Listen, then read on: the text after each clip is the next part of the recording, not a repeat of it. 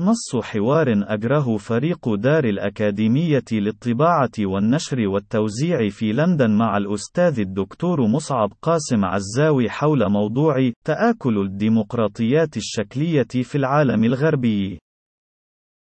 فريق دار الأكاديمية، أشرت في غير مرة إلى موضوعة الديمقراطية الشكلية في الغرب، فهل ترى بأن تلك الديمقراطية الشكلية أيضا في طور التآكل والتراجع؟ مصعب قاسم عزاوي أعراف الديمقراطية التمثيلية في الغرب تقوم على مرتكزات أساسية تتمثل في الاقتراع الدوري لممثلين منتخبين واستقلال القضاء بالإضافة إلى حرية الصحافة والإعلام.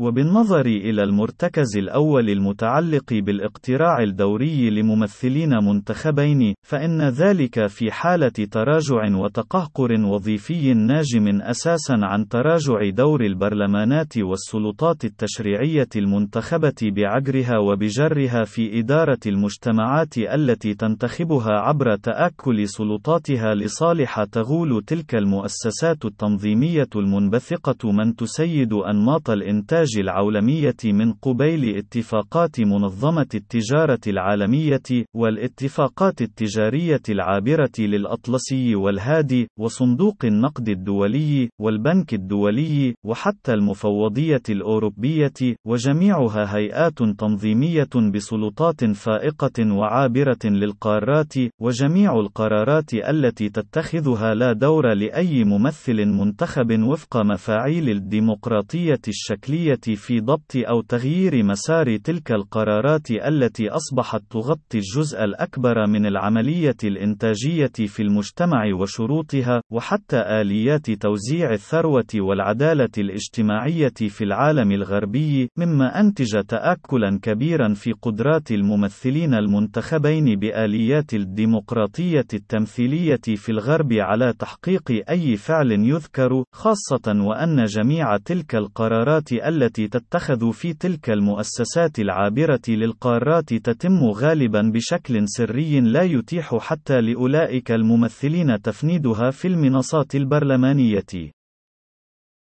وفيما يخص استقلالية القضاء في العالم الغربي، فهو يتعرض للتآكل بشكل مضطرد عبر تحويله إلى الحصن الأخير والوحيد الذي لا بد من اللجوء إليه لحل كل إشكاليات المواطنين، بعد تراجع الدولة عن دورها الرعائي في المجتمع وفق نهج الليبرالية الجديدة التي لا ترى في الدولة سوى جاب ضرائب لا تتعدى مهمته إنفاق تلك الجبايات، وترتيب ترتيب عقود مع الشركات الخاصة للقيام بما كان يناط بالدولة القيام به من خدمات عمومية أساسية لا بد منها للحفاظ على حيوية المجتمع وعيوشية البشر المتواجدين في حياضه.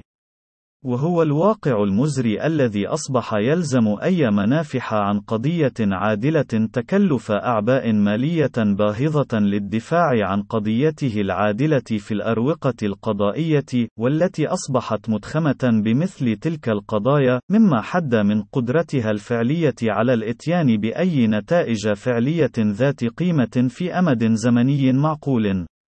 بالإضافة إلى أن معظم القضايا العادلة أصبحت موجهة بين مواطنين عزل أو مؤسسات للمجتمع المدني تحتضر من قلة تمويلها جراء تراجع القدرات المادية للمتبرعين التقليدين لها من الأفراد، وعدم حصولها على أي دعم حكومي فعلي، مع مؤسسات خاصة ذات قدرات مالية فائقة لتمويل نزاعاتها القضائية، أو حتى مع السلطة التنفيذية التنفيذية نفسها والتي أصبحت تتصرف في غالبية الدول الغربية بعقلية الشركات الخاصة التي تبذل الغالي والرخيص لأجل انكسب خلافاتها القضائية دون البحث عن الأسباب التي أدت إليها في المقام الأول ومحاولة تصحيحها.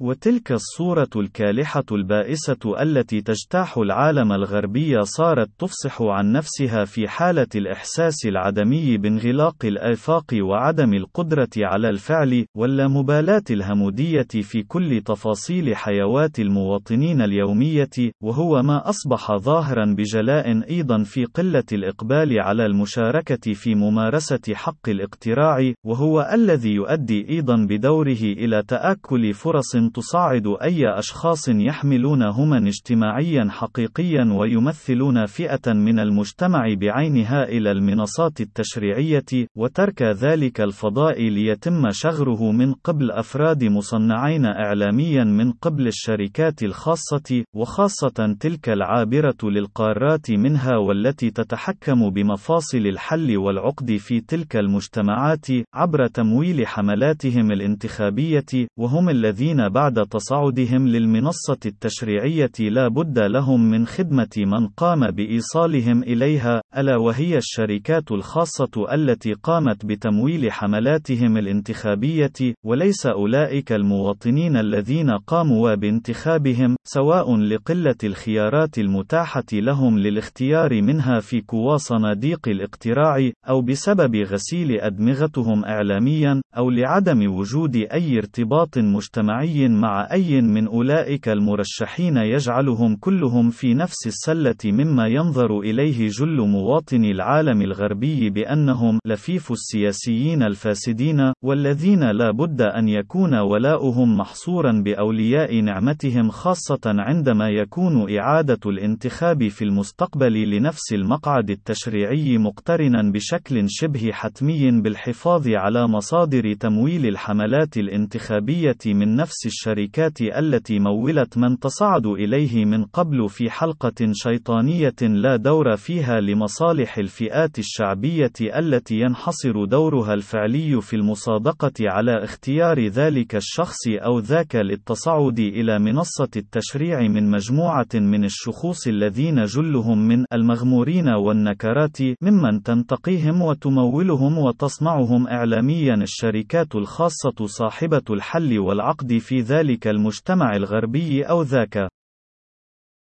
ومرتكز التآكل الثالث يرتبط بتآكل فضاء الصحافة الحرة، ليس عبر تقييد حرية التعبير، وإنما عبر تصحر وتقهقر الغالبية المطلقة من تكوينه الوظيفي من أي جهود حقيقية للقيام بعمل صحفي استقصائي حقيقي في العالم الغربي، إذ أن معظم المؤسسات الإعلامية الكبرى في العالم الغربي هي مؤسسات مملوكة سواء بشكل مباشر مباشر أو غيره من شركات خاصة عملاقة لا تتفق مصالحها مع أي عمل صحفي استقصائي قد يكشف عوار آليات عملها وأهدافها التي لا بد أنها لا تتفق مع مصالح السواد الأعظم من الفئات الشعبية، بالإضافة إلى حقيقة ارتباط ديمومة المؤسسات الإعلامية باستمرار صبيب وتدفق الإعلانات على شبكاتها، وهو مشروط بعدم إقلاع إطلاق مصالح الشركات الخاصة الكبرى التي تمثل المعلن شبه الأوحد على تلك المنصات الإعلامية.